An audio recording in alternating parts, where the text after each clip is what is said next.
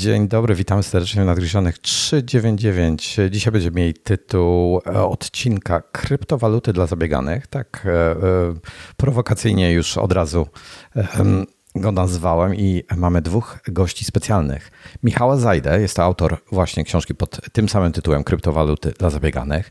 Na co dzień jest programistą, architektem, doradcą, menedżerem zespołów informatycznych w swojej firmie R&D, jak i innych i był współtwórcą szeregu systemów blockchainowych i to mu daje praktyczną wiedzę o kryptowalutach i codzienności ich rozwoju. Drugim gościem specjalnym jest Gracjan Pietras, adwokat, felietonista i magazyn, pasjonat technologii, pasjonat bitcoina i prawdopodobnie w listopadowym numerze iMaga przeczytaliście jego recenzję książki Michała. Więc oddaję twóm panom głos i mam nadzieję, że e, odbędziecie z nimi tę podróż w czeluści bitcoina i innych kryptowalut, blockchainów innych różnych ciekawych technologii. Dzień dobry, ja zacznę. To mój debiut w Nadgryzionych, chociaż w redakcji magazynu jestem już od wielu lat. Tak jak wspomniał, e, tak jak wspomniał Wojtek, e, jestem adwokatem, zajmuję się na co dzień nowymi, no, nowoczesnymi technologiami w różnych aspektach, a, a od pewnego czasu bardzo mocno studiuję bitcoina i kryptowaluty. Bardzo się cieszę, że mogę dzisiaj porozmawiać z Michałem Zajdą, autorem E, bardzo dobrej książki Kryptowaluty dla zabieganych. Jeśli ktoś jeszcze jej nie nabył, nie przeczytał, to, to polecam. Miałem przyjemność e, zrecenzować tę książkę w listopadowym iMagazynie. Do tej recenzji też chętnie wszystkich odsyłam. Michale, e, cześć. Cześć. Może zaczniemy, może zaczniemy od tego, żebyś może się, może, może powiedz coś o sobie, tak? O tym, czym się zajmujesz zawodowo, jak wyglądała Jasne. twoja droga do kryptowalut. Jasne. E, dziękuję bardzo za wprowadzenie. E, bardzo mi miło e, z Wami rozmawiać i również mówić do Państwa, przedstawić Wam tą tematykę kryptowalut. Kim ja jestem? Skąd ja się wziąłem? Jestem informatykiem i od początku kariery zajmowałem się takimi szczególnymi e, systemami, które żyją w sieciach. One nazywają się systemami, e, systemy skalowalne. I te systemy mają charakterystyczną wartość, e, własność, że potrafią się dopasować do ruchu w sieci. Czyli gdy ruch się zwiększa, one są na to odporne, gdy ruch się zmniejsza, również się potrafią zdeskalować, mówiły. No i tak parę lat temu trafiłem do kolejnej jakby klasy systemów sieciowych, czyli blockchainy, kryptowaluty. To był dla mnie niesamowicie interesujący obszar, e, bo wtedy e, nie było jeszcze dokumentacji na ten temat, e, nie było za bardzo kogo się spytać. Trzeba było coś napisać własnoręcznie, żeby wiedzieć, jak się robi kryptowaluty, co to w ogóle jest. I tym sposobem dołączyłem do jednego z wczesnych blockchainów, jednak już tej nowej generacji po, po blockchainach takich jak Bitcoin czy Ethereum.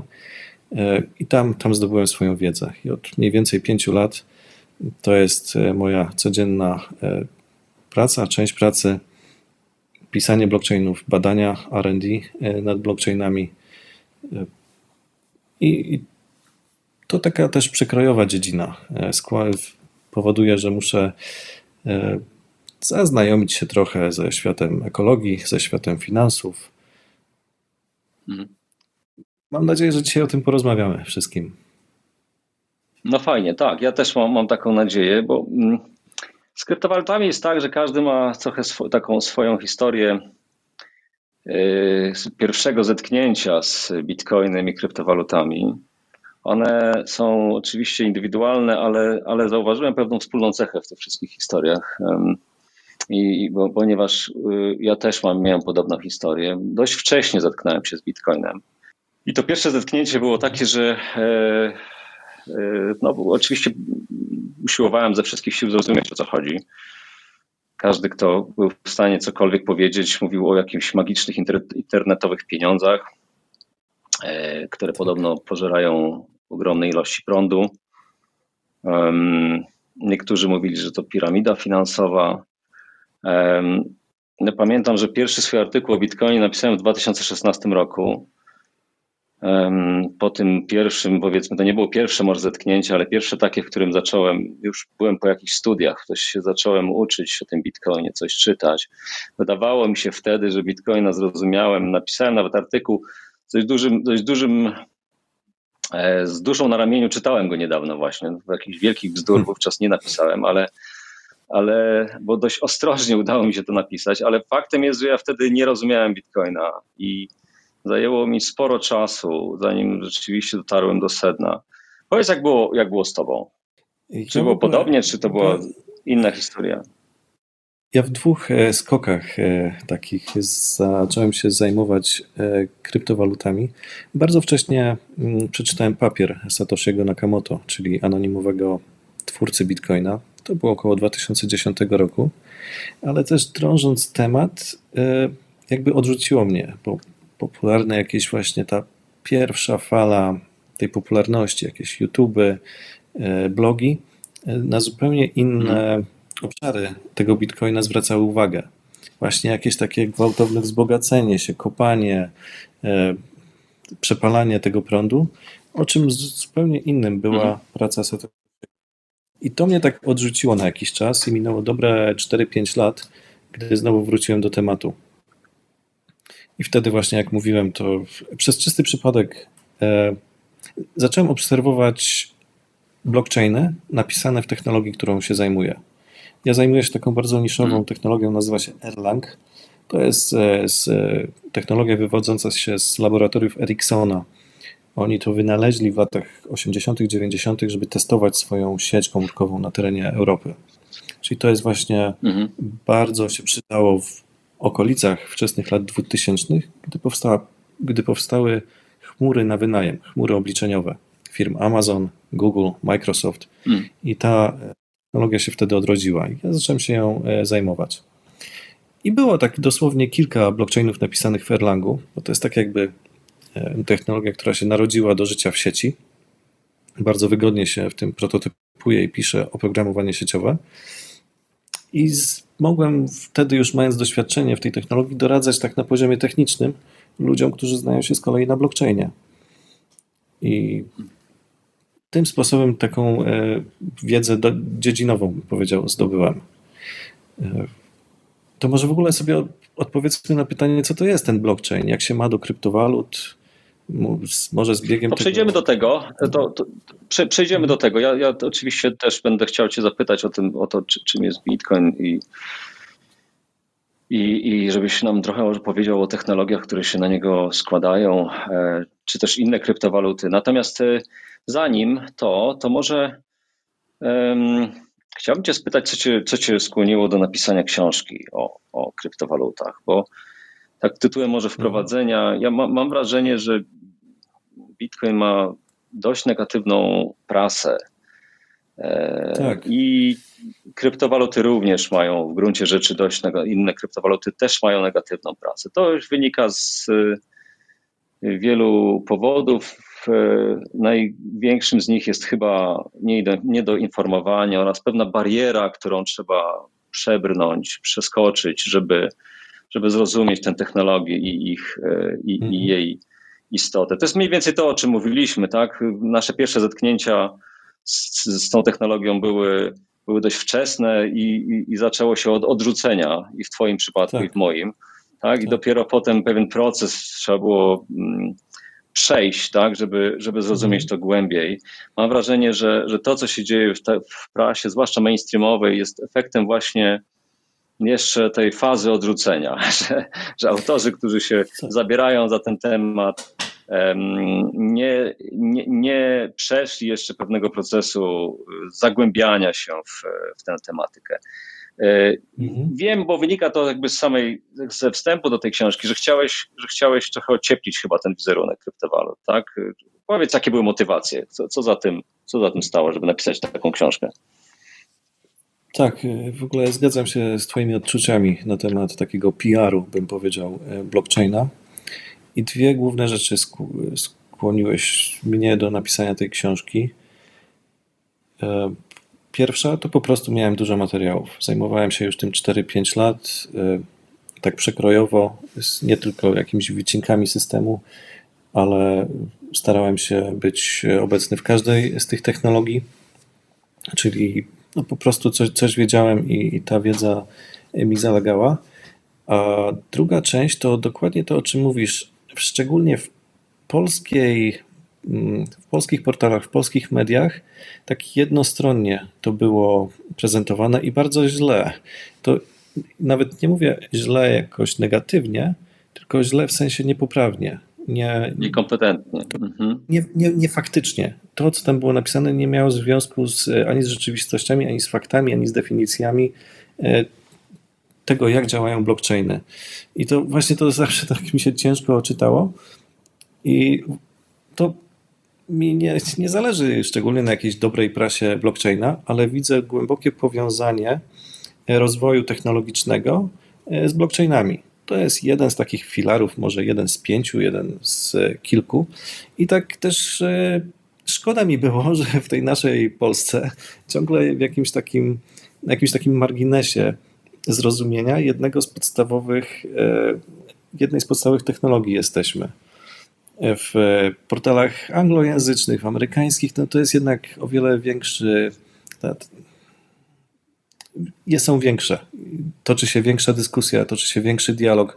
Możemy znaleźć e, wiele stron spojrzenia na ten temat. Już nie mówiąc o tym, że instytucje rządowe mają świetne raporty, które się nawet dla lajka świetnie czyta. Takie raportu Fedu czy Banku, Bank of America, to pff, za, zachęcam, naprawdę. E, a u nas tego nie ma. I jakby jedynym źródłem wiedzy są niepoprawne artykuły z e, mainstreamowych mediów. No to, to tak to mnie zmotywowało. To, to dlatego e, to przechyliło powiedzmy szale. Nadarzyła się taka okazja. E, wydawnictwo Insignis e, było bardzo otwarte na napisanie takiej książki. Też mnie zachęcali, więc zrobiliśmy to. Hmm. Ja się bardzo cieszę z tego podejścia, bo mm, też to dostrzegam na co dzień, to o czym mówisz i, i to pewną nawet irytację we mnie, bo, bo bo wydaje mi się, że ta technologia zasługuje na dużo lepszą, dużo bardziej pogłębioną prasę.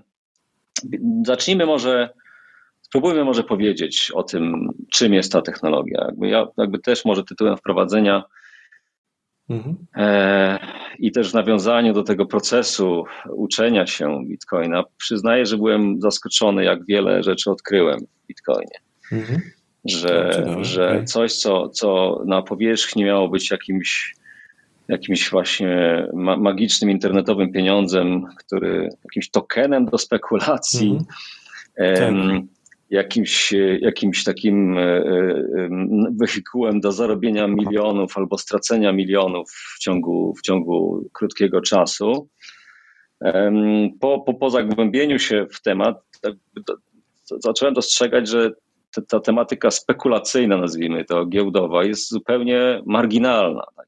zupełnie tak. niekluczowa, gdy chodzi o, o te, technologie, te technologie. I po, po wejściu do, do, w temat, tak, zauważyłem, że jest to po prostu, tak się nawet chyba mówi w świecie Bitcoina, po prostu królicza nora, która zdaje się nie mieć mm. końca i do której można się zagłębić dowolnie, e, dowolnie głęboko i która ma bardzo dużo różnych odnóg, bo bo mhm. począwszy od kwestii ekonomicznych e, i tak. związanych z, ze sporem między ekonomistami austriackimi, keynesistami i monetarystami tak. przez teorię pieniądza, po oczywiste kwestie, czyli kwestie, którymi się ty zajmujesz zawodowo, kwestie e, technologiczne, tak, czy, czy, czy, czy, czy programistyczne, poprzez e, kryptografię matematyczną, czy matematykę w, w gruncie rzeczy, tak? Mhm. ale, ale, ale kryptografię jako, jako, jako kolejna odnoga technologii, technologiczna, którą można tutaj, czy naukowa, którą można tutaj badać.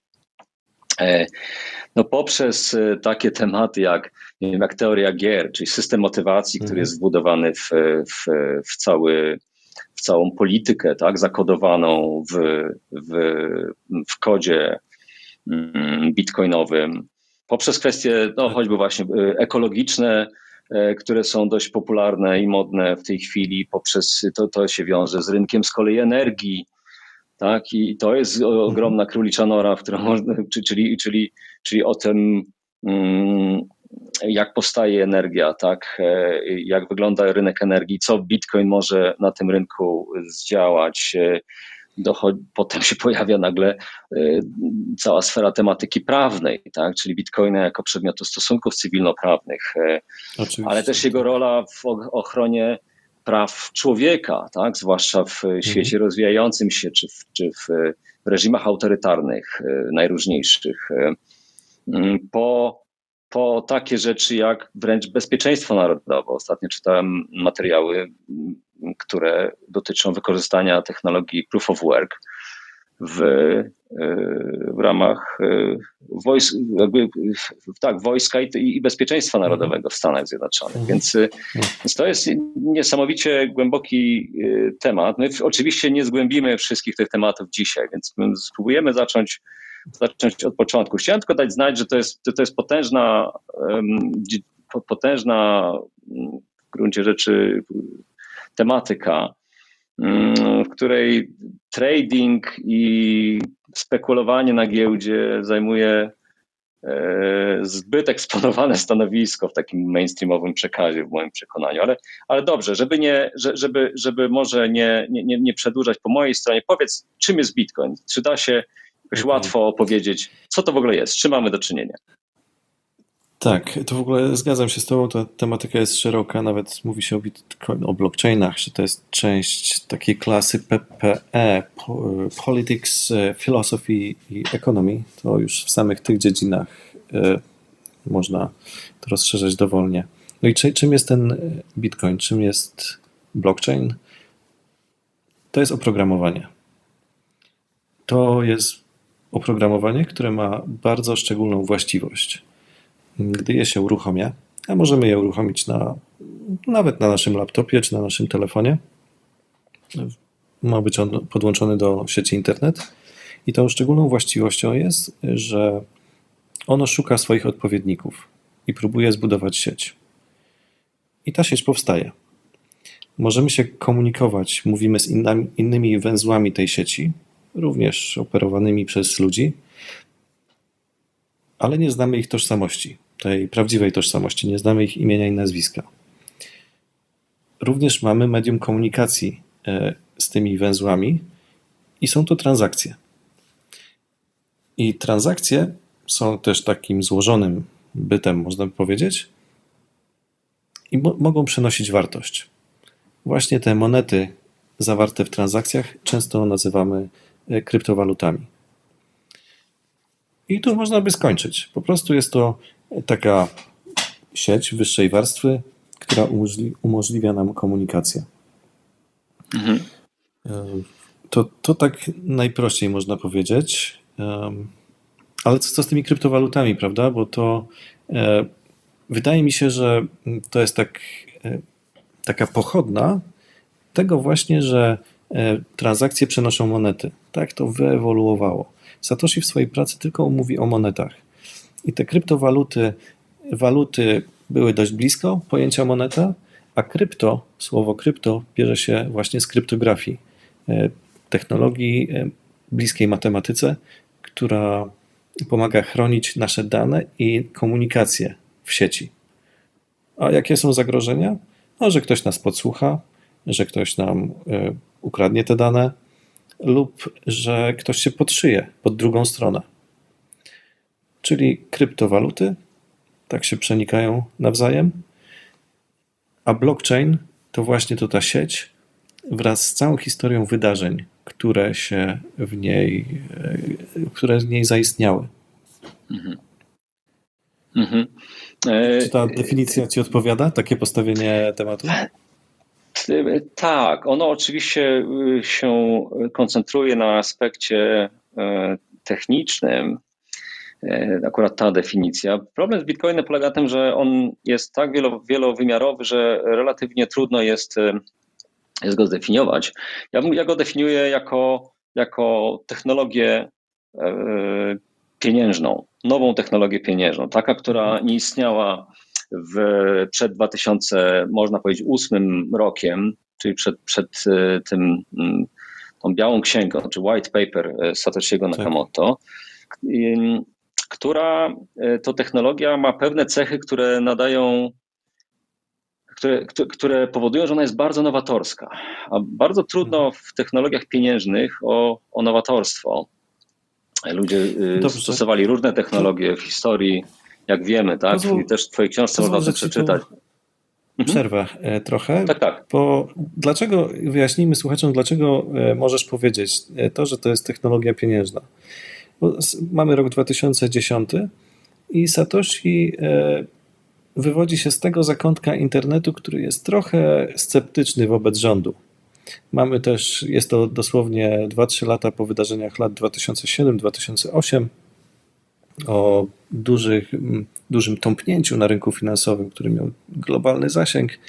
No i też to są dla zwykłych ludzi problemy z pracą, utrata domów. To było w świecie finansowym takie małe tsunami. I w tym e, duchu takiego sceptycyzmu, sceptycyzmu i braku zaufania dla rządów powstaje Bitcoin, ta nowa technologia. I jaka jest ta innowacja? Właśnie Satoshi proponuje jasne zasady, które, w których nie może się wydarzyć coś, co się zdarzyło powiedzmy w 2008 roku, gdy e, rząd wymyślił nowy program QE, Quantitative Easing. W świecie Bitcoina to się nie wydarzy, bo nie ma żadnego centralnego strażnika, który reguluje i realizuje politykę monetarną. Mhm. Tutaj właśnie dzięki temu, że postawiliśmy sobie takie, taki trochę technologiczny obrazek, wiemy, że to jest sieć, e, która wymienia transakcje, to należy dodać, że wszystkie węzły tej sieci są sobie równe. I tak naprawdę e, blockchain to jest takie, taki worek z narzędziami. Bo skoro wszyscy są sobie równi, to jak pilnować porządku w takiej sieci? Czym, czym mhm. jest ten pieniądz i skąd wiemy, że ktoś sobie dwa razy nie wyda te, tego samego banknotu? No właśnie ten worek z narzędziami wyposaża każdy węzeł w tej sieci, każdego człowieka w narzędzia, żeby to zweryfikować. I tym sposobem e, Bitcoin był pierwszą kryptowalutą, która odniosła sukces, e, stworzył tą sieć i e, dał wszystkim narzędzia, żeby pilnowali założonej w Bitcoinie polityki monetarnej. Mhm. Mhm. Tak, ja się, ja, się, ja się z tym całkowicie zgadzam. Dodałbym może, że ta technologia pieniężna, która powstała, miała jakby, mm, jest dość, dość zadziwiająca i dość zdumiewająca pod kątem tego, w jaki sposób rozwiązała różne odwieczne problemy pieniądza. Bo, bo, bo stworzenie pieniądza, który byłby dobrym pieniądzem, twardym pieniądzem, miał wszystkie e, pożądane od pieniądza cechy. Stworzenie takiej technologii na, na, mhm. nastręczało ludziom od, od tysiącleci e, ogromne trudności. Wiemy, że, że, że, że, ludzie posługiwali się bardzo różnymi technologiami. Od tak, pra pieniędzy, tak, tak, o których tak. też mówisz w swojej książce, mhm. czyli, czyli od e, od y, muszelek, koralików mhm. E, czy, czy skór. E, tak. Później był etap e, różnych metali. Później, później, później tam między tymi metalami też była swoista konkurencja, którą, jak wiemy, ostatecznie wygrało złoto. Potem mieliśmy do czynienia z pieniądzem Potem pojawił się pieniądz państwowy, tak? pieniądz, pieniądz fiducjarny mhm. tak zwany, tak. który I... E, no, mhm. On wymagał Coś tego strażnika, prawda? Wymagał tego państwa, właśnie to był taki duży przełom. Mhm. E, I tu widzimy takie, też taki trend, możemy wyznaczyć sobie od tych dóbr fizycznych przez metale szlachetne po papier, e, po papier że mhm. ten natura zmieniała I po pieniądz się... elektroniczny na końcu, prawda? Tak. Też państwowy. Czyli, a, ale to prawda była najmniejsza rewolucja. Po prostu papier zastąpiły bity, ale to była ta sama hmm. zasada. Ciągle to właściwie była najmniejsza e, rewolucja z tego całego ciągu. Ale e, widać tu taką przesuwanie się tej abstrakcji, tego wyrażenia pieniądza ku, ku coraz e, wyższym warstwom, ku co, coraz wyższej formie tej abstrakcji. Oderwaniu hmm. od rzeczywistych e, rzeczy ku tej efemerycznej postaci cyfrowej. I właśnie blockchain i bitcoin się świetnie wpisuje w ten trend. E, mhm. w ogóle wspomniałeś o cechach pieniądza. To może powiedzmy, jakie są mhm. dobre cechy pieniądza. Dobrze, żeby pieniądz był odporny na pogodę, prawda? Dobrze, żeby pieniądz się dzielił na małe kawałki. Ale co rozumiesz przez, przez odporny, odporny na pogodę? Wyjaśnijmy. Odporny na pogodę. No na przykład e, złoto jest bardziej odporne na pogodę od bananów, bo z biegiem czasu, mhm. na wskutek e, atmosfery i świata wokół, e, takie banany by sobie zgniły, a złoto mhm. nam bezpiecznie kupuje wartość. Mhm. Co dalej? No, tak, ta cecha że... to jest tak zwana trwałość, prawda? Ta tak. technologia, czyli technologia, z której tworzymy pieniądz, powinna zapewnić, że on się nie popsuje. Tak? Czyli jeżeli no, tak. były czasy, w którym pieniądzem była na przykład krowa. Tak? No, krowa jest, jest tak może jest. trwalsza na przykład niż, y, niż y, nie wiem, jakiś produkt spożywczy, tak? ale tak. tak. ale też ma swój. Krowy, jak wiemy, umierają, więc krowa nie jest dobrą y, technologią pieniężną, ponieważ nie jest dostatecznie trwała, więc najlepiej by było rzeczywiście, żeby, żeby, żeby mm, abyśmy mieli do czynienia z czymś, co jest trudno zniszczyć. Tak? I złoto rzeczywiście odniosło tutaj sukces, ponieważ jak wiemy, złoto jest, dość, jest bardzo stabilne chemicznie tak? i, i nie, nie, wchodzi albo prawie nie wchodzi w reakcję z, z, z otoczeniem, przez co, przez co sztabki złota, które istniały setki lat temu, dzisiaj, dzisiaj istnieją dalej, tak? Właściwie w niepogorszonym mm, stanie. Mhm. Prawda? Gdyby, więc więc no i to się tak, trwałość to tak. Pierwsza, pierwsza, pierwsza cecha. Powiedz, w jaki sposób Bitcoin jest trwały? E, Bitcoin jest e, o wiele bardziej trwały niż normalne, mm, normalna forma elektroniczna, na przykład stanów nas, naszego konta gdyż jest mhm. replikowany w całej sieci tych węzłów, o której mówiliśmy. To jest mhm. jakby taka wspólna księga rozrachunkowa, która przypisuje mojemu ID, e, mojej tożsamości cyfrowej, e, daną ilość bitcoinów. I właśnie tutaj, ach, nie powiedzieliśmy e, o kryptografii. Narzędzia kryptograficzne również umożliwiają stworzenie naszej tożsamości cyfrowej bo zauważcie, że imię i nazwisko to e, nie jest. E, nie, imię i nazwisko nie zostało stworzone do ery cyfrowej. To jest e, taka tożsamość tradycyjnego świata.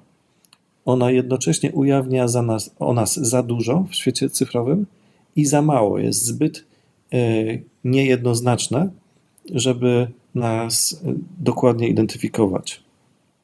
Mhm. Dlatego kryptografia przyszła tu z pomocą i Nasza tożsamość e, w świecie Bitcoina to po prostu e, ciąg losowych 256 znaków.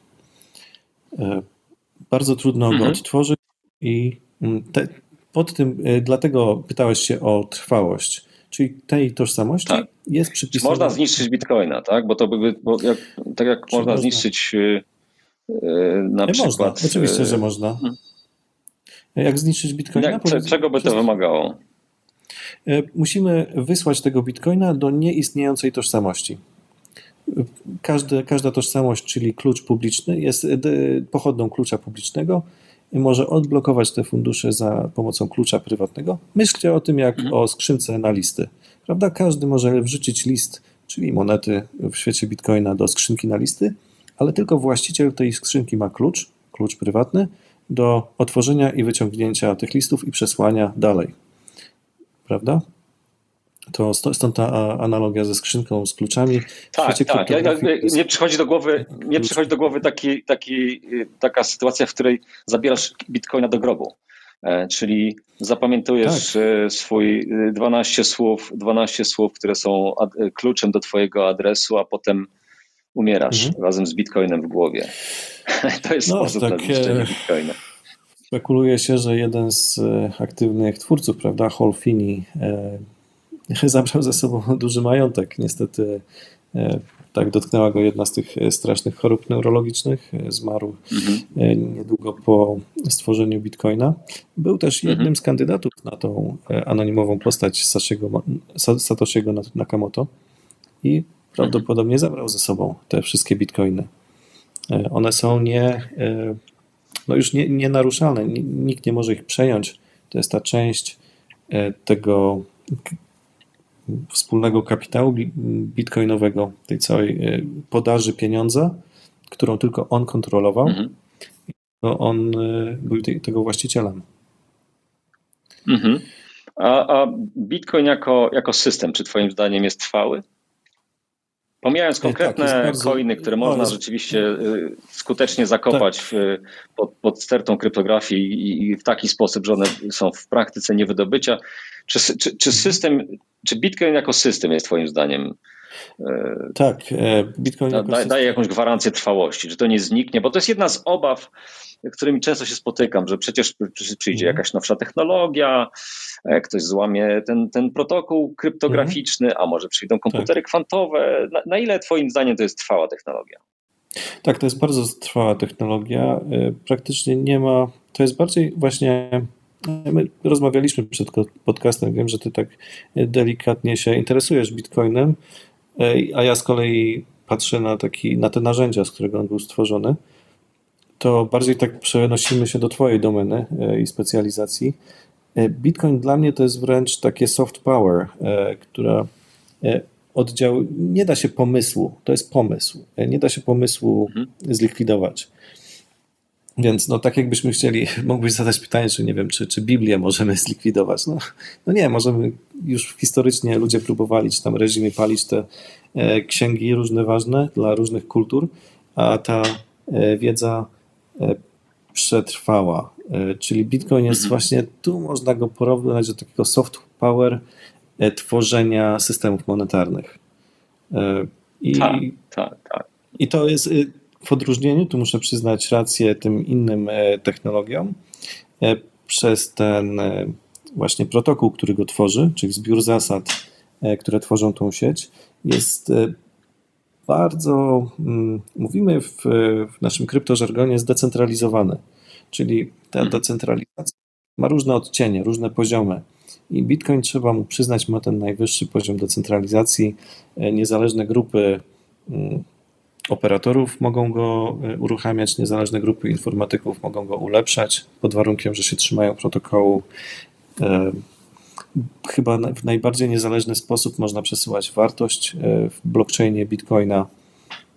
Więc nawet to jest, wydaje mi się, jeden z niewielu blockchainów, w którym rzeczywiście państwom będzie trudno regulować. Jakby, jeżeli te regulacje byłyby negatywne, to, to będzie w Bitcoinie będzie to bardzo trudne unicestwić Bitcoina i jedynym takim mm, taką krawędzią tego świata regulowanego i świata e, blockchaina Bitcoina jest połączenie tożsamości kryptograficznej e, z tożsamością rzeczywistą. Więc e, mhm. na tym się opierała likwidacja Bitcoina. Znaleźć wszystkich ludzi, którzy działają na tym Bitcoinie i po prostu aresztować. To tak by można unicestwić Bitcoina. Mhm. Tak, ja się, ja się zgadzam. Bitcoin, dotknąłeś tego, to jest idea, można powiedzieć, że nawet, że to jest wynalazek, tak? W, w, w, czyli nowe rozwiązanie techniczne, które nie istniało przed tym 2008 rokiem. Właśnie. I nie da, nie da się go odwynaleźć. Trochę jak, może Biblia nie jest dla mnie dobrym przykładem, ale może, może jak, trochę jak koło. Tak? Nie da się mhm. w gruncie rzeczy odwynaleźć koła. Tak? I nawet, mm. i to jest, to jest y, y, jakby to porównanie do koła mnie przekonuje, bo, bo koła się nie da też ulepszyć. E, za bardzo. E, tak, tak można. E, tak. No, albo, to, to, albo jak szachy. W takim razie będę tak? oponował, bo, bo Bitcoina da się ulepszyć. A Biblię z kolei. No dobra, no to, ale to, to, to, tak, to się, to się może, może możemy, możemy wejść w ten temat jakby rozwijania tej technologii. Ale, ale mhm. trochę chcę wrócić do, do tego, o, czy, o czym rozmawialiśmy. Rozmawialiśmy trochę o, właśnie od, zaczęliśmy od trwałości, tak? Mhm. Bitcoina jako, jako technologii pieniężnej. I jak rozumiem, jest to dość trwała technologia, o ile można sobie, można zniszczyć poszczególne, zniszczyć, czyli zgubić klucz tak, do poszczególnych monet, o tyle cała tak. sieć jest, jest y, bardzo trwała z uwagi na jej decentralizację, tak, jak, jak, jak mhm. rozumiem. Tak? Czyli to, że ona tak jest oparta na i to jest jedna z technologii, która jest wykorzystywana, jedna z czterech technologii wykorzystywanych przy tworzeniu Bitcoina na, na, na, na, na, na strukturze peer-to-peer, tak? czyli takiej sieci, która mhm. nie ma centralnego serwera i w której każdy uczestnik ma całą bazę danych i jest e, całkowicie równorzędnym uczestnikiem tej sieci, prawda? Przez to nie sposób w gruncie rzeczy zaatakować Bitcoina w jednym miejscu, prawda? Bo to jest mhm. taki, taki morf, taka hydra, która ma bardzo wiele głów i, i te głowy są rozdystrybuowane po właściwie całej planecie. Tak długo jak choćby e, jeden węzeł mhm. pozostanie czynny, tak długo Bitcoin, Bitcoin nie, nie zostanie zniszczony. Tak? W tym sensie zgadzam się, że to jest dość trudny cel dla kogoś, kto chciałby Bitcoina e, e, zaatakować. I, ale przechodząc do innych, chyba że chciałbyś coś dodać tutaj, tak? Ale chciałbym przechodząc do innych cech mhm. pieniądza, oprócz samej trwałości, wspomniałeś o podzielności, jako tak. ważnej tak. cesze pieniądza, tak? Może, może tak. o tym opowiemy. No to y, zaczęliśmy od krowy. To krowy nie da się dobrze podzielić, żeby ona swoją wartość przechowała e, dłużej, szczególnie za dawnych czasów. E, a z kolei sztabki złota, czy monety, czy pieniądz elektroniczny świetnie się dzieli. I tutaj już e, może jedną taką kontrintuicyjną rzecz wyjaśnijmy, bo teraz Bitcoin osiągnął jakieś duże wartości, prawda, wyrażone w dolarach czy złotówkach i może się słuchaczom wydawać, że ach, no nie stać mnie na tego Bitcoina, no to może kosztować tyle co samochód. No otóż Bitcoin, ta, ta jedna jednostka Bitcoina dzieli się na 100 milionów e, takich małych grosików. One w świecie Bitcoina nazywają się SATS, czyli Satoshis. Satoshis. Prawda? Satoshis od imienia twórcy. I no to już właśnie koszt transakcji jest wyrażony w tych takich grosikach, to jest minimalny koszt i przez to ten, jest to waluta dostępna dla każdego. E, kolejne systemy blockchainowe poszły nawet dalej, do 18 miejsca po przecinku e, wyrażają wartość. A to z tej uwagi, że tamte blockchainy nawet nie miały monetarnego zastosowania. Wyobraźmy sobie, że nie wiem, że klatki filmu są jakoś otagowane monetami kryptowalutowymi. No jest tego tyle, że nawet te 100 milionów, podział na 100 milionów byłby niewystarczający. Potrzebujemy tych zer nie 10, a, a 18.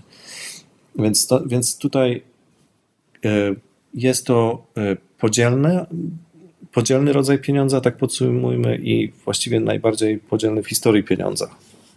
Mhm. Tak, tak, tak. Y, Bitcoin dzieli się, tak jak wspomniałeś, na 100 milionów Satoshi, przy czym e, na sieci Lightning, e, czyli na tym drugim, mhm. na tej, nazwijmy to drugiej warstwie, czyli takiej sieci zbudowanej na sieci Bitcoina, służącej do takich do mikropłatności, do natychmiastowych niewielkich płatności, występują już tak zwane no, no mikrosatoshi, tak? czyli, czyli mhm. można w gruncie rzeczy Bitcoina dzielić dalej i nawet można twierdzić, że jest to, że jest to nieskończenie podzielne, tak? co daje mu no, ogromny plus tak, w, tej, w tej dziedzinie, w dziedzinie podzielności pieniądza. Pieniądz państwowy też jest łatwo podzielny. Tak? No, my mhm. jakby roboczo dzielimy je, państwo dzieli je na, w Polsce na złote i grosze, jak wiemy, tak? ale, ale to jest jakby matematycznie bardzo łatwe do zarządzania, prawda? Można, można denominować mhm. tego pieniądza, można tak. Można Oczywiście. go tak jakby ustawić, żeby, żeby on był jakby najmniejszy, żeby najmniejsza jednostka była funkcjonalnie e, dostosowana do mhm. potrzeb mhm. obrotu. Tak, te starsze, tak. starsze rodzaje pieniądza nie miały tej. Zło, złoto nie jest dobrze podzielne, wbrew pozorom, prawda? Ponieważ no, mhm. oczywiście złoto można przetapiać, no ale to wymaga już jakiegoś procesu E, dość specjalistycznego, tak. prawda? To nie jest tak, że, mhm. że każdy może podzielić złoto sobie w domu na, na, na, na zwłaszcza na równe fragmenty, prawda? Mhm. Więc tutaj złoto akurat nie ma e, za, za dobrych cech jako, jako pieniądz. To zresztą spowodowało historycznie, że złoto złoto uległo centralizacji właśnie, prawda? Ono jest dość e, złoto trzeba chronić, prawda?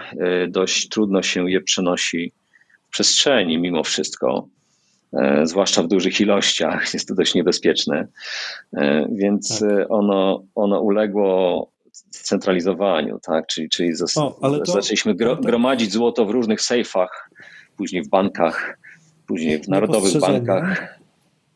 Niepostrzeżenie przeszedłeś do kolejnej cechy pieniądza, czyli przenośności pieniądza. tak, jego tak. takiej wygody w przenoszeniu, w transferze, transferowaniu. No właśnie, opowiedz o przenoszeniu Jakie? bitcoina. No to właściwie w tej mojej pierwszej definicji bitcoina to Bitcoin to transakcja. Bitcoiny przenosi się za pomocą transakcji. Jest to operacja na oprogramowaniu, jedno kliknięcie. Żeby zrealizować transfer do drugiej osoby, musimy po prostu znać jej adres publiczny. Jej adres blockchainowy dla różnych blockchainów będzie miał inną postać, e, która nam może go jakoś przesłać. Znajomość tego adresu nic nie daje. E, taki adres jest bardzo tani. Każda osoba może wygenerować sobie tysiące czy miliony takich adresów. Mhm. Jednym kliknięciem e, przesyłamy kryptomonety czy monety kryptograficzne e, naszemu odbiorcy. Mhm. Tak. Y, no, no, właśnie, w związku z tym, że Bitcoin y, funkcjonuje w świecie e, e, elektronicznym, tak, to on jest y, w gruncie rzeczy przenoszony natychmiastowo, przenoszony jest szybkością światła. Oczywiście na, na, na tej głównej sieci wysłanie bitcoina zajmuje chwilę czasu z uwagi na konieczność potwierdzania transakcji tam przez kolejne bloki, które są odnalezione, które są wynajdywane mhm. przez górników, prawda? Więc, więc taka, e, tak jak powiedziałeś, ogłaszamy, co to znaczy wysłać komuś bitcoina? To znaczy ogłosić w sieci transakcję, to znaczy ogłosić w sieci krótką wiadomość tekstową, w której jest nasz adres, jest ilość bitcoina, którą wysyłamy i jest adres odbiorcy plus podpisujemy tę wiadomość tekstową naszym prywatnym kluczem, który jest przechowywany w, za pomocą programowania, które, się, y, które, które nazywamy portfelami, prawda? Jak ogłosimy taką, taką transakcję w sieci, to ona sobie najpierw jest y, weryfikowana pod kątem jej tam prawidłowości z zasadami konsensusu, czyli z zasadami protokołu Bitcoina, po czym E, ląduje w tak zwanym mempoolu, czyli w poczekalni i czeka sobie mhm. na, e, na blok, który, w którym będzie można tę transakcję umieścić. W momencie, kiedy, kiedy ona trafia do bloku, można powiedzieć, że, że, że zostaje po raz pierwszy potwierdzona. Taka transakcja, no, taką transakcję e, uznaje się umownie za ostateczną po mniej więcej sześciu blokach po, w, w sieci Bitcoina, mhm. tak? bo na niej się koncentrujemy. Z tego, tak. z tego powodu, że e, no, po tych sześciu potwierdzeniach e, taka transakcja jest w istocie nie, matematycznie, tak, czy też nawet fizycznie nieodwracalna. E, no to przeszedłeś tak, natomiast do jakby... dużego, mhm.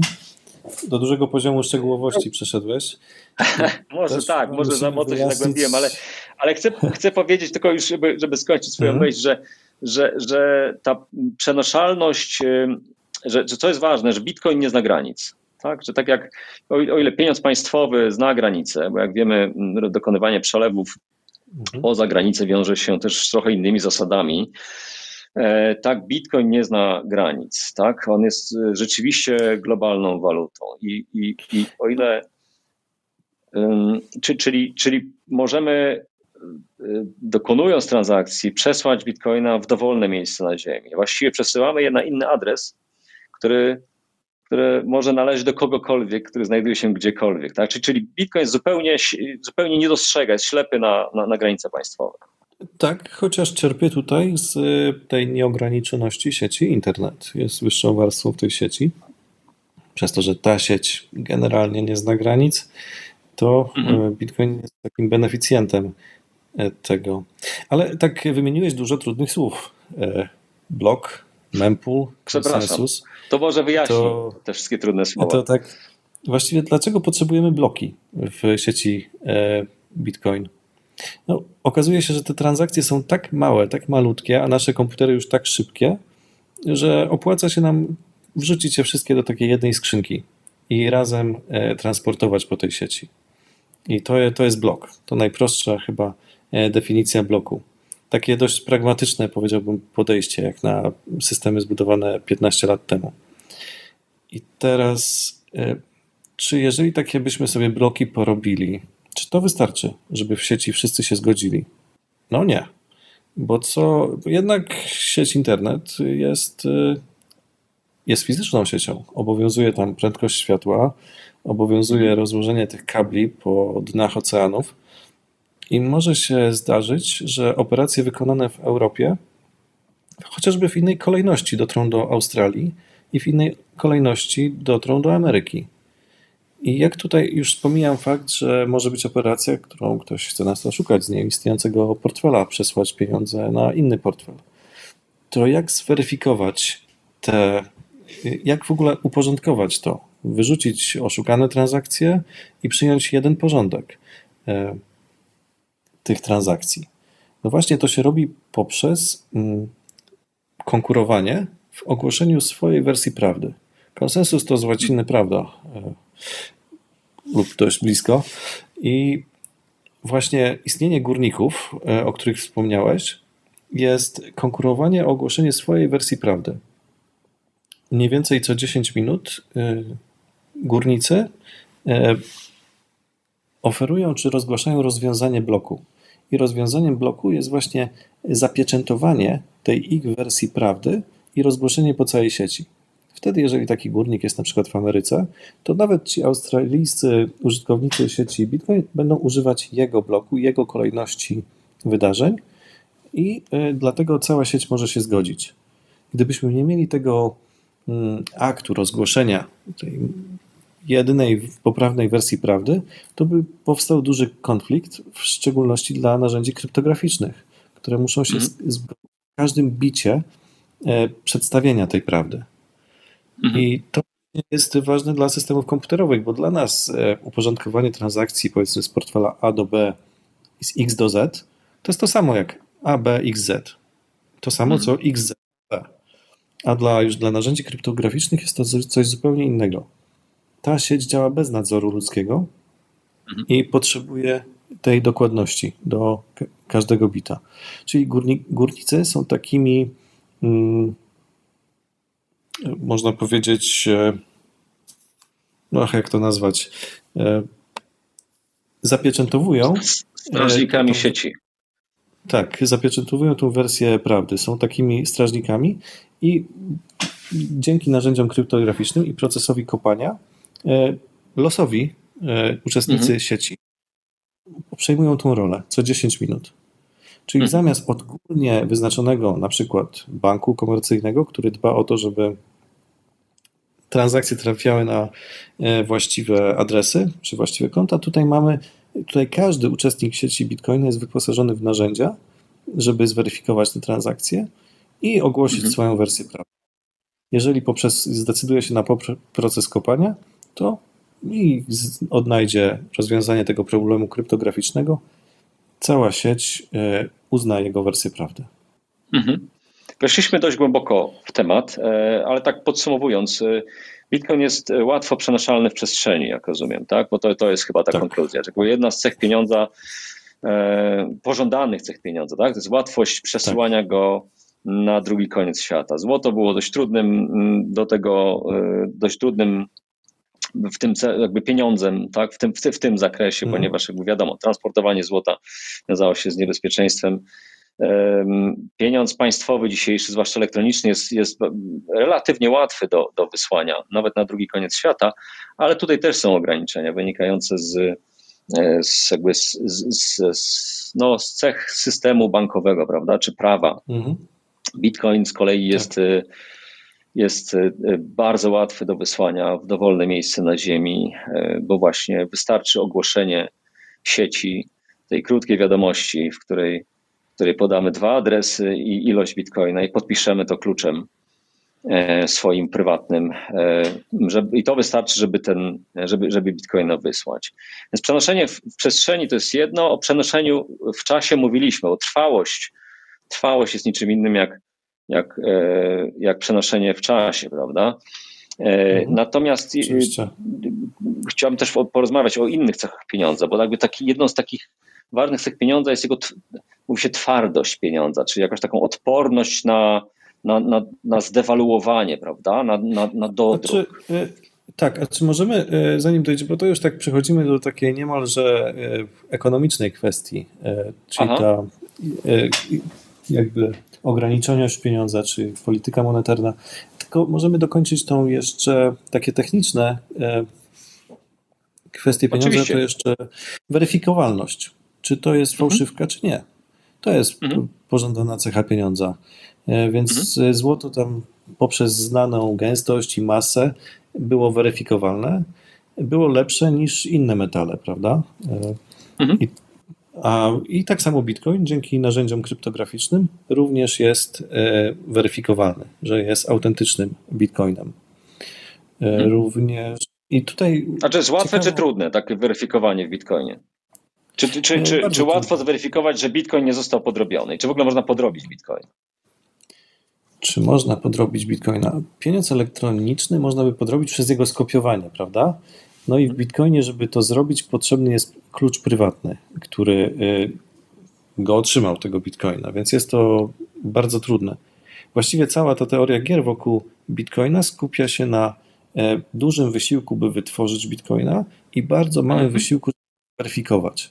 Na tym się mniej więcej mhm. opiera e, teoria gier wokół kryptowalut. Tak, piszesz o tym w swojej książce, to jest ta asymetria, prawda, że z jednej strony e, z jednej strony mamy, mamy e, bardzo żmudny proces e, tworzenia tych nowych coinów, tak, czy nowych monet, a z drugiej mhm. strony mamy bardzo łatwy proces ich weryfikacji. Tak, jest to najlżejszy, nawet na naszym telefonie komórkowym możemy zweryfikować taką transakcję tego bitcoina. Więc... Tak, e, czyli potrzeba odrobina oprogramowania. Faktycznie tutaj Bitcoin, dobrze, że o tym, o tym wspomniałeś, jakby te, te, też, e, czy kryptowaluty mówiąc szerzej, też, też mają przewagę nad innymi pieniędzmi, bo jak wiemy, zło, weryfikowanie złota jest oczywiście możliwe, ale jest to też proces specjalistyczny, prawda? Jak wiemy, który wymaga, tak. wymaga specjalistycznej wiedzy. Jakbyśmy dostali monetę, e, która miała być złota, to, to żeby, żeby samemu zweryfikować, czy ona rzeczywiście jest złota i w jakiej, jakiej czystości jest to złoto, to, to pewnie byśmy tego nie umieli zrobić. Z pieniędzmi mhm. państwowymi, no jak wiemy, jak wiemy ich podrabianie, zwłaszcza no, mówimy o pieniądzach papierowych, tak? ich podrabianie tak, też jest tak.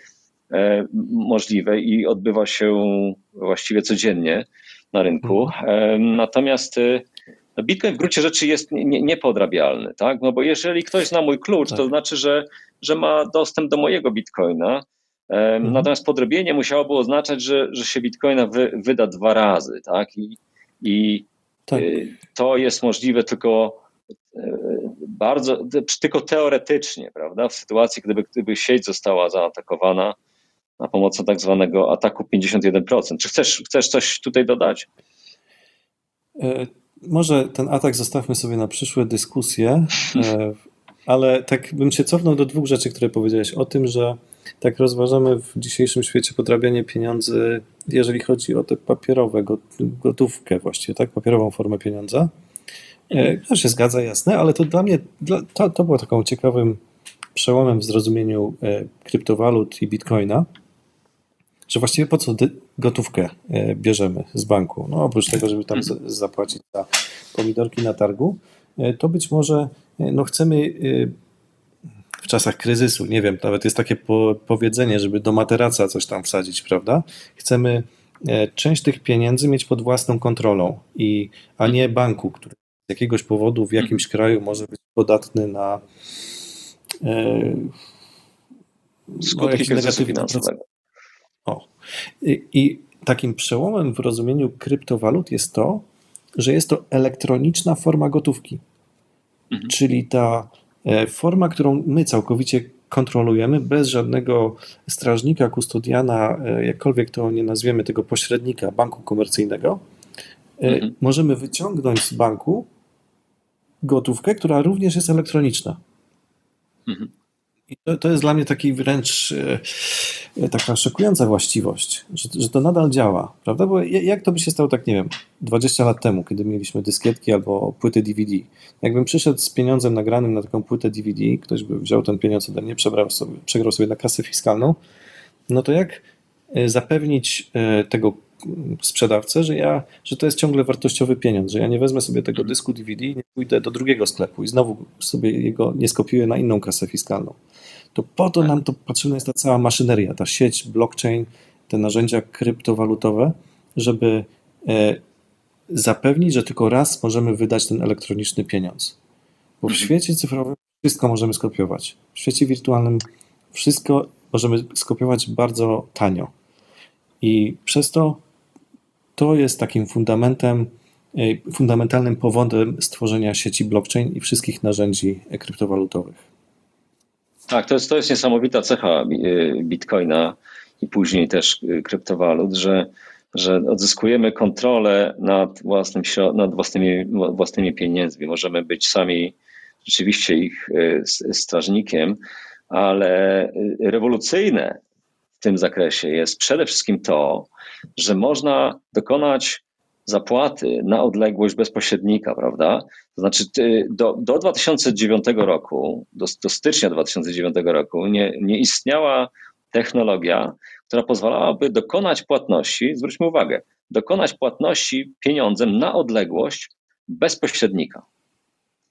Tak, zawsze, musi, al, al, zawsze musiał być ktoś po środku, kto, komu ufaliśmy. Czy to tak. był bank, który, który przekieruje mhm. nasze środki, czy posłaniec, który, który przekaże mhm. tak. nasze pieniądze. Tak? No w przeciwnym razie musieliśmy się, się z tym naszym kontrahentem spotkać i wręczyć mu ewentualnie pieniądze. Tak? Więc to mhm. już nie jest płatność tak. na odległość. Ta, tak. ta niesamowita i właśnie rewolucyjna zupełnie cecha e, Bitcoina polegała właśnie na tym, że wyeliminowano potrzebę pośrednika w ogóle, tak? Czyli możemy płacić mhm. dzisiaj bezpośrednio mm, swojemu kontrahentowi. Pomiędzy nami nie ma nic poza samym protokołem, tak? czyli poza samą siecią Bitcoina, czyli zautomatyzowanym protokołem, który, prze, który prze, prze, prześle naszą transakcję do, do adresata. Tak jest. Tak. A może teraz tak zejdziemy, żeby e, trochę też takich konkretnych informacji nasi słuchacze mieli. E, wróćmy do tematu portfeli kryptowalutowych. Mhm. To są właśnie Dobry pomysł. Co to są te portfele?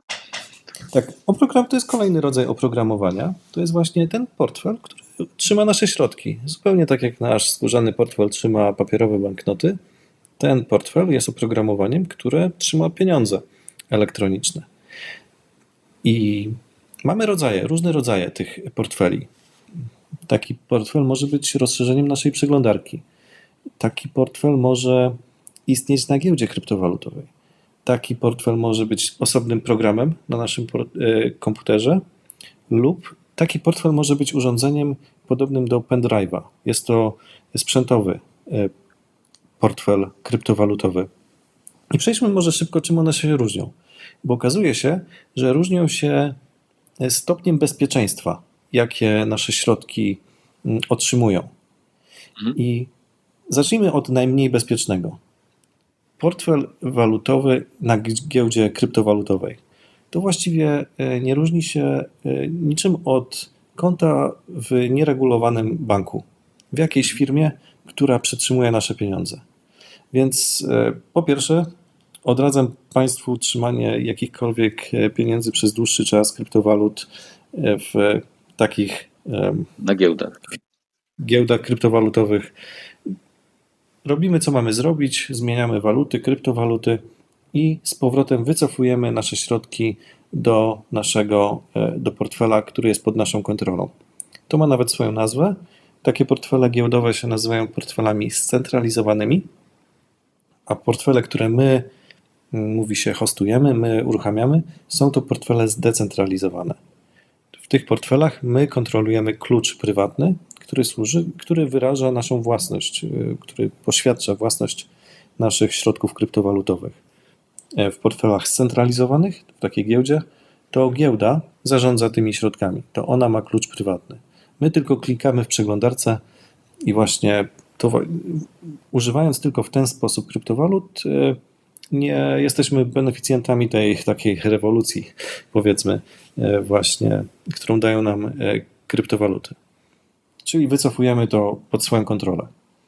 E, przeglądarka, bardzo wygodna rzecz, ale również e, większość oprogramów, większość wirusów czy mm, takich ataków, również socjotechnicznych, e, byłoby bardzo związane z internetem, z aktywnością na, w social mediach, więc w takim portfelu przeglądarkowym trzymamy bardzo małe środki do codziennego używania powiedzmy, jakbym miał opłacić jakiś serwis streamingowy, bym to zrobił te kilkadziesiąt złotych wyrażone w kryptowalutach. E, to byłoby dobre miejsce. No i później te niezależne oprogramowanie, niezależne od przeglądarki, często niezależne od systemu operacyjnego, niezależne od marki sprzętu, który mamy, to są portfele, które oferują największe bezpieczeństwo i portfel sprzętowy. Po prostu w obecnych technologiach NFC zbliżamy taki portfel do komputera, czasem jeszcze podłączamy do gniazda USB i ten portfel chroni w sposób sprzętowy nasz klucz prywatny.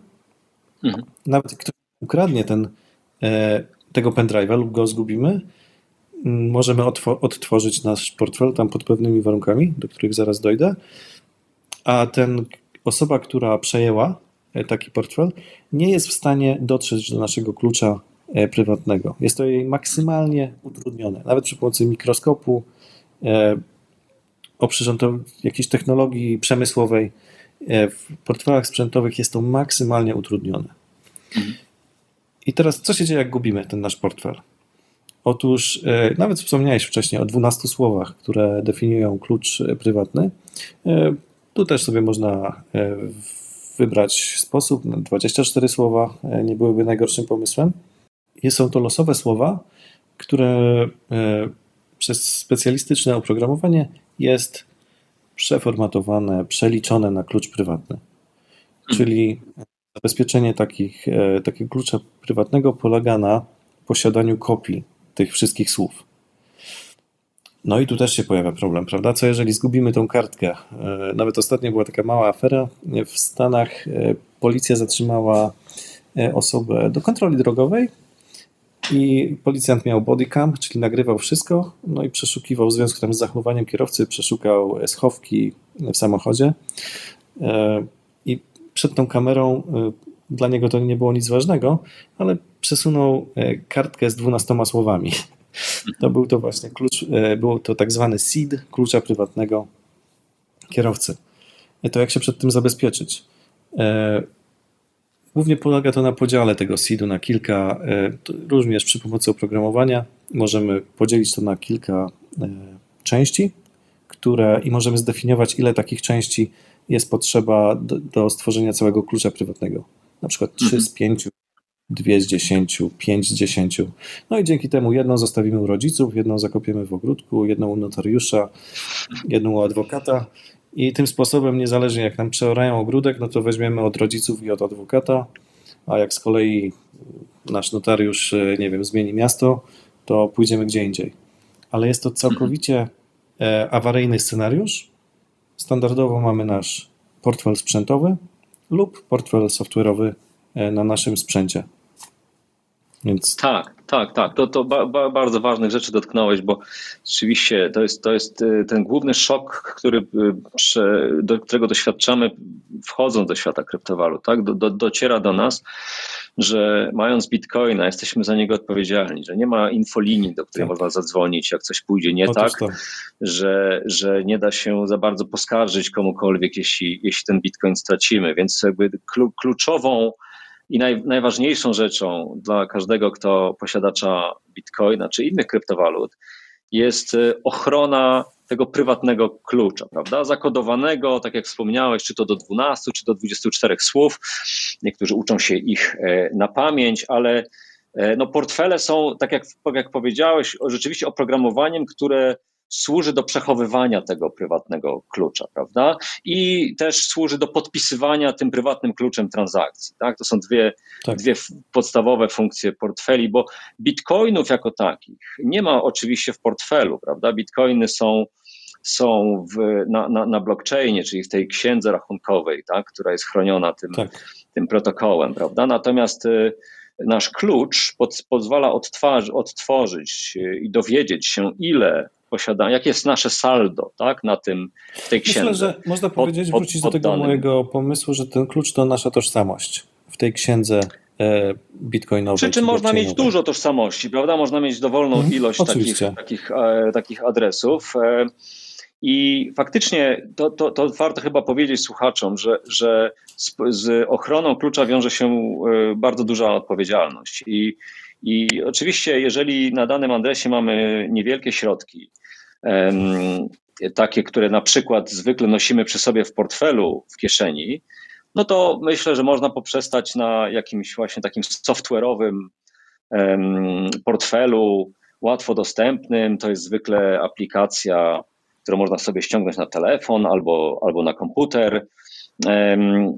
Natomiast jeśli mamy, czy planujemy mieć dużo oszczędności w, w Bitcoinie, to faktycznie warto pomyśleć o wyższym poziomie bezpieczeństwa i zastanowić się nad e, takim portfelem, który gwarantuje, że nasz klucz prywatny nigdy nie dotknie urządzenia, które mogłoby być podłączone do internetu. Prawda? I te sprzętowe portfele, o których wspomniałeś, ich, ich zasadniczą zaletą jest to, że przechowują ten nasz prywatny klucz w taki sposób, żeby on nigdy nie, nie, nie, nie zetknął się z otwartą siecią, czyli nie był, e, żeby maksymalnie utrudnić odebranie nam tego, e, tego klucza. Także przy, myślę, że to można jako taką praktyczną wskazówkę podpowiedzieć. Jeśli mamy, planujemy dużo oszczędności w Bitcoinie czy innych kryptowalutach, to warto zainwestować w, w, w dobry portfel sprzętowy. Tak jest, tak. No dobrze, to, to no e, trochę, trochę nasze spotkanie z, z, zamieniło się w takie trochę przechodzenie przez różne cechy dobrego pieniądza, tak? I mówienie o, mhm. o bitcoinie czy o kryptowalutach przez ten pryzmat. E, może spróbujemy e, zamknąć tę klamrę i, i, i, i przejść przez pozostałe cechy dobrego pieniądza. Mm, ja wspomniałem o tej twardości pieniądza, tak? Coś, co tak. się po angielsku nazywa sound money. Czy, czy Bitcoin jest twardym pieniądzem? Co to w ogóle znaczy twardy pieniądz? Tak, właśnie to bardzo, chyba język angielski ma ciekawsze słowa opisujące właściwości pieniądza. E, mówi się o takiej, po polsku ciężko mi znaleźć słowo, ograniczoność, rzadkość w sensie występowania. Mm. Mhm. Twardy pieniądz e, ma e, określoną podaż. Na przykład złoto mhm. ma określoną podaż. Wydobujemy tylko tyle, wiemy mniej więcej ile wydobujemy złota rocznie i wiemy, ile się spodziewać, wiemy, jaką wartość wyraża ta waluta, która jest manifestacją pieniądza, manifestacją ekonomii, prawda? Czyli ta wartość e, pieniądza jest e, stała, rośnie pod kontrolą lub właśnie jest dowolna. I mhm. tym Bitcoin się różni od obecnego systemu monetarnego, e, że ma ustaloną politykę monetarną, ustaloną ilość tego pieniądza na samym początku, u, mhm. u jego zarania, u powstania tego bitcoina. Czyli mm, nie podlega to zmianom polityków, wyborów, e, zmianie prezesa banku centralnego. Mamy stałą ilość e, tego bitcoina. E, chociaż tutaj się chyba różnimy. Wydaje mi się, że ty jesteś takim delikatnym entuzjastą e, takiej stałej polityki, prawda? E, tak. Monetarnej? Tak, zdecydowanie jestem, jestem e, entuzjastą polityki pieniężnej, w której nie można stworzyć dowolnej ilości nowego pieniądza po zerowym koszcie, tak. A ja chyba nie. A ja rozróżniam tutaj. Nowoczesna polityka monetarna jest bardzo różnorodna. I ta wersja amerykańska mi bardzo odpowiada. Uważam, że e, to też jest jakiś przełom technologiczny.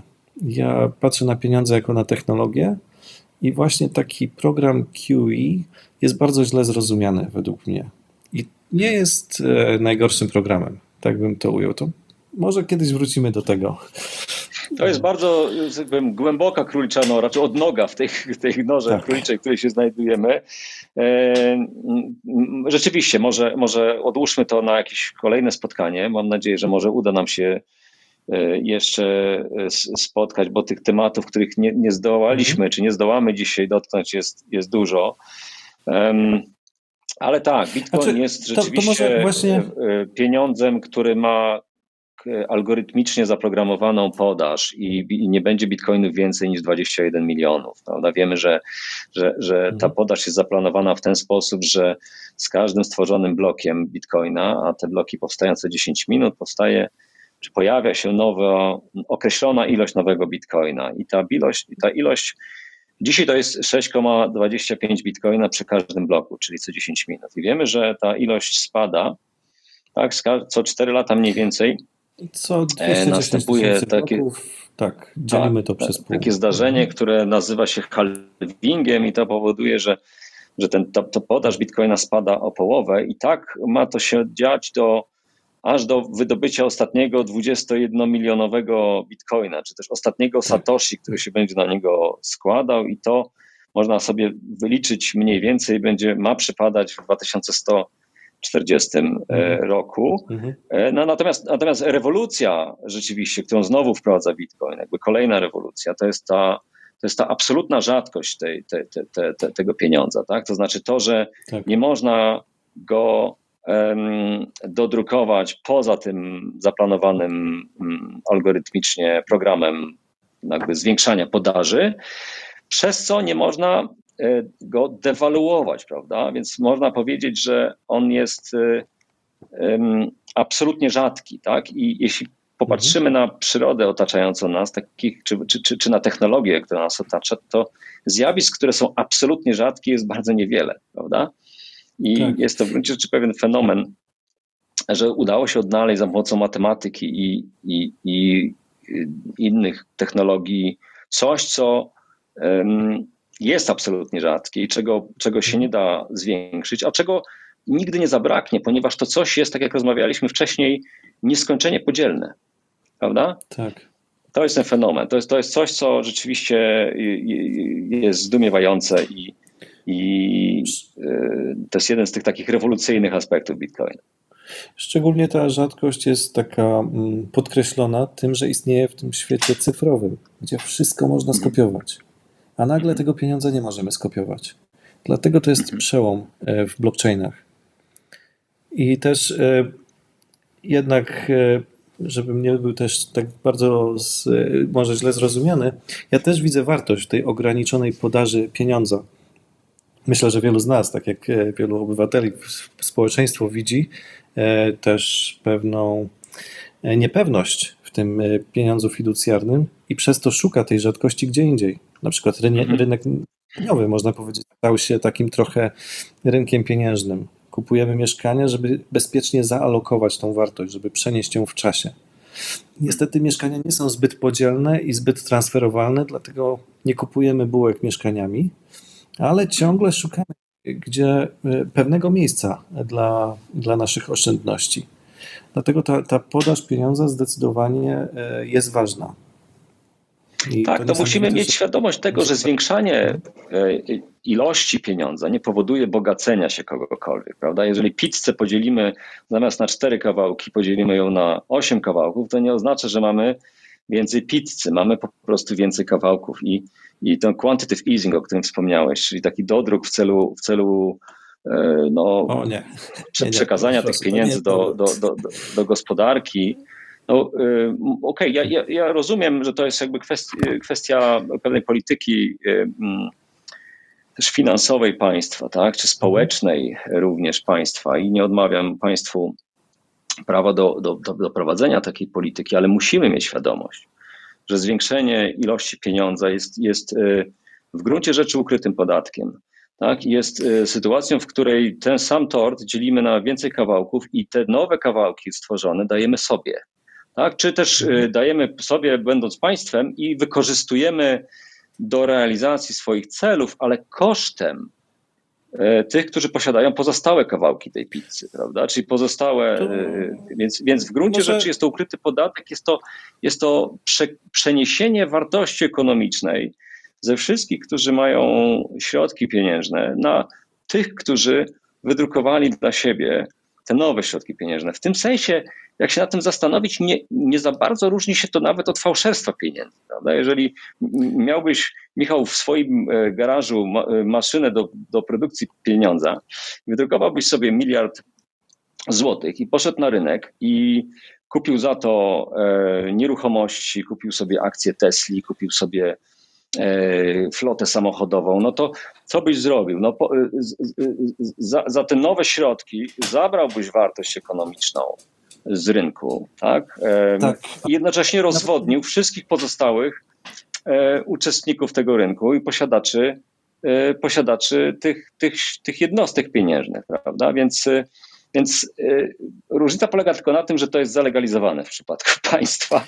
No, to pozwól mi odpowiedzieć. Tak nawet jeszcze są, przyznaję ci, te metafory są poprawne, nawet historycznie może takie bardziej do wyobrażenia są, jak imperia upadały, gdy rozwadniały ilość srebra w monetach, prawda? To mhm. na tym więcej, gdy tam cesarz rzymski dobijał jakiegoś tańszego metalu do tych E, monet i one po prostu mniej. E, Albo obcinał e, rogi.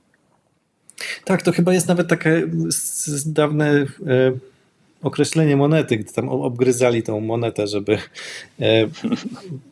sobie ją zlepić w kolejną. Tylko najzwyczajniej w świecie opisujesz coś, co by się działo w Zimbabwe albo w Wenezueli. Tam rzeczywiście E, ten proces drukowania pieniędzy tak się odbywa. Nie ma jeszcze, nie wiem, 10 czy 20 lat temu mogliśmy zobaczyć jakieś zdjęcie, że ludzie taczkami tą walutę e, wozili rzeczywiście to było dosłownie drukowanie.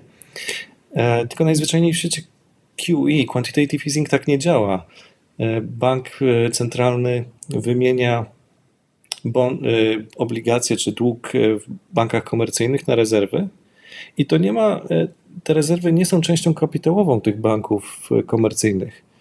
Ta część, e, te rezerwy nie zwiększą ani nie zmniejszą akcji kredytowej banków komercyjnych. Tak nie wprowadzamy dodatkowych pieniędzy, tego co powiedziałeś o drukowaniu w garażu i kupowaniu Tesli za, za te świeże, pachnące papierki. To tak nie działa. E, tak by to działało w Wenezueli, ale nie w nowoczesnej, nowoczesnym nowoczesnej ekonomii. Co tak, więcej, w nowoczesnej e, ekonomii po, po, powiększa się dług państwowy, prawda? Który trzeba obsłużyć. Prawda? No to tak się działa, tak to na przykład działa w Polsce, prawda? Gdzie ten dług jest upychany po jakichś spółeczkach i to jest, e, to jest kolejny temat według mnie. E, właśnie, właśnie zachęcam wszystkich do przeczytania raportu Fedu i Banku of America z przełomu listopada i grudnia 2020 roku o CBDC, czyli Central Bank Digital Currency. To tam ciekawe jest dla nas, bo również wymienia zastosowania blockchaina w tym zakresie, ale też mhm. pokazuje różnorodność systemów monetarnych na świecie. Mamy te 160-180 krajów i tych systemów jest y, naprawdę bardzo wiele o różnym stopniu zaawansowania. Właśnie od Wenezueli, gdzie wozimy taczką te banknoty, po wydaje mi się najdojrzalszą e, gospodarkę e, USA. Więc to jest też ciekawe. Hmm. No, znaczy, to, to, to, jest tak, to jest duży temat. Myślę, że można poświęcić mu nawet całe spotkanie, jeżeli będziemy mieli na to, ochotę. Nie chcę, jestem też jakby świadomy tego, że dotarliśmy chyba do jakichś granic czasowych, które sobie wyznaczyliśmy. E, może zapytam w tym miejscu Wojtka, czy, czy y, jak, jak, jak planujemy, czy ile jeszcze mamy czasu. Jeżeli czujecie się, e, panowie, dobrze, że tak powiem, zamykając, czy tak zmierzając do końca te, tego, o czym dzisiaj rozmawialiście, to ja jestem, ja jestem, e, dostosuję się do waszych potrzeb, że tak powiem, jeszcze, jeszcze parę minut mamy, jakby co. To może po prostu podsumujmy. Zastanówmy się, o czym powiedzieliśmy dzisiaj i, i to będzie taka dobra klamra. Bardzo dobry pomysł. Tak, spróbujmy, spróbujmy jakoś, e, spróbujmy podsumować to, to, co dzisiaj próbowaliśmy przekazać naszym słuchaczom. To myślę, że każdy z nas może dać swoje zakończenie, jak zrozumiał ten, e, ten czas. To dla mnie to było, rozmawialiśmy o pieniądzu, o cechach pieniądza, takich jak transferowalność, podzielność, e, odporność na podrobienie, odporność na pogodę. I to nam dało dużą wymówkę, żeby nawiązać, jak e, w każdym z tych zakresów, w każdym z tych dziedzin działa Bitcoin. Dzięki tej wymówce też przemyciliśmy trochę technicznych informacji. E, mówiliśmy o tym, że Bitcoin to jest sieć, w sieci internet, że transferuje wartość. Tą wartość zabezpiecza się kluczami prywatnymi, publicznymi, a z kolei te klucze zabezpiecza się portfelami. I szereg przełomowych e, E, rzeczy. Bitcoin nam dostarczył szereg przełomowych interakcji z pieniądzem interakcje, które dobrze się wpisują w trend rozwoju pieniądza. Tak, tak bym to podsumował z mojej strony. Tak, ja, ja, ja też krótko powiem, że to jest temat rzeka, więc jako, jako no to, jest, to jest temat, w którym można znaleźć wiele pasjonujących, e, przełomowych i rewolucyjnych e, e, kwestii i, i temat warty studiowania, tak? bo, bo bez poświęcenia czasu i trudu ciężko generalnie zrozumieć ten wszystkie istotne aspekty, co nie oznacza, że nie można posługiwać się bitcoinem, czy nie może, że nie można go rozumieć na takim poziomie który umożliwia płacenie nim, prawda? Bo to jest y, wbrew temu, co, y, jakby, co może wynikać z naszej rozmowy, to jest relatywnie łatwe. I ściągnięcie aplikacji, posłużenie się bitcoinem, czyli nie chciałbym stworzyć wrażenia, że, że, że y, to, to, ta złożoność, o której teraz rozmawiamy, jest mm, jakąś przeszkodą do tego, żeby posługiwać się bitcoinem od razu. Tak? Zarówno tak. ściągnięcie portfela, jak i, jak i jak i uzyskanie, wpłacenie na niego bitcoina, jak i, jak i zapłacenie bitcoinem jest, jest banalnie proste dla każdego użytkownika e, komórki. Chcę zachęcić wszystkich do tego, żeby zainteresować się e, bitcoinem. Ze swojej strony postaram się namówić Michała do tego, żeby ponowić nasze spotkanie i żeby spróbować e, pogłębić niektóre z tych rzeczy, które dzisiaj dotknęliśmy powierzchownie. No i bardzo się cieszę, że udało nam się porozmawiać. E, Michał, gratuluję książki. Jeśli ktoś jeszcze jej nie ma, nie przeczytał, to serdecznie polecam. Kryptowaluty dla zabieganych. Michał Zajda, wydawnictwo Insignis. E, tak, dziękuję bardzo za spotkanie. Dzięki za rozmowę i świetne pytania i świetne podsumowania. E, bardzo chętnie będę to kontynuował. Ja bym chciał od siebie jeszcze dodać jedną rzecz. Jeżeli, drodzy słuchacze, macie jakiekolwiek pytania, czy chcielibyście panów jakoś ukierunkować, bo macie jakieś wątpliwości na jakiś temat, na temat tego, co rozmawiali, albo o tym, co, by, co byście chcieli usłyszeć trochę, nie krępujcie się kontaktować się z nami wszelkimi możliwymi kanałami, e, czy to przez jakiegoś YouTube'a, Twittera, Mastodona, e, mailem, jakkolwiek na iMagu, na iMagazine.pl znajdziecie jakiś tam sposób kontaktu, na pewno dla Was wygodny. E, więc zapraszamy. Ja bym chciał Panom bardzo podziękować za e, towarzystwo. Wiem, że e, ja tutaj staram się patrzeć na Waszą rozmowę przez pryzmat mojej żony, która nie ma większego pojęcia o Bitcoinie i na przykład już wiem, że chciałaby się dowiedzieć, no dobra, ale to co, co ja mam zrobić? To jak ja to na telefonie mogę mieć ten jakiś portfel bitcoinowy, to jak ja mam go założyć? E, skąd ja mam wiedzieć, którą aplikację mam wybrać? I tak dalej, i tak dalej. Tutaj do, pole do popisu oczywiście jest, jest e, bardzo szerokie.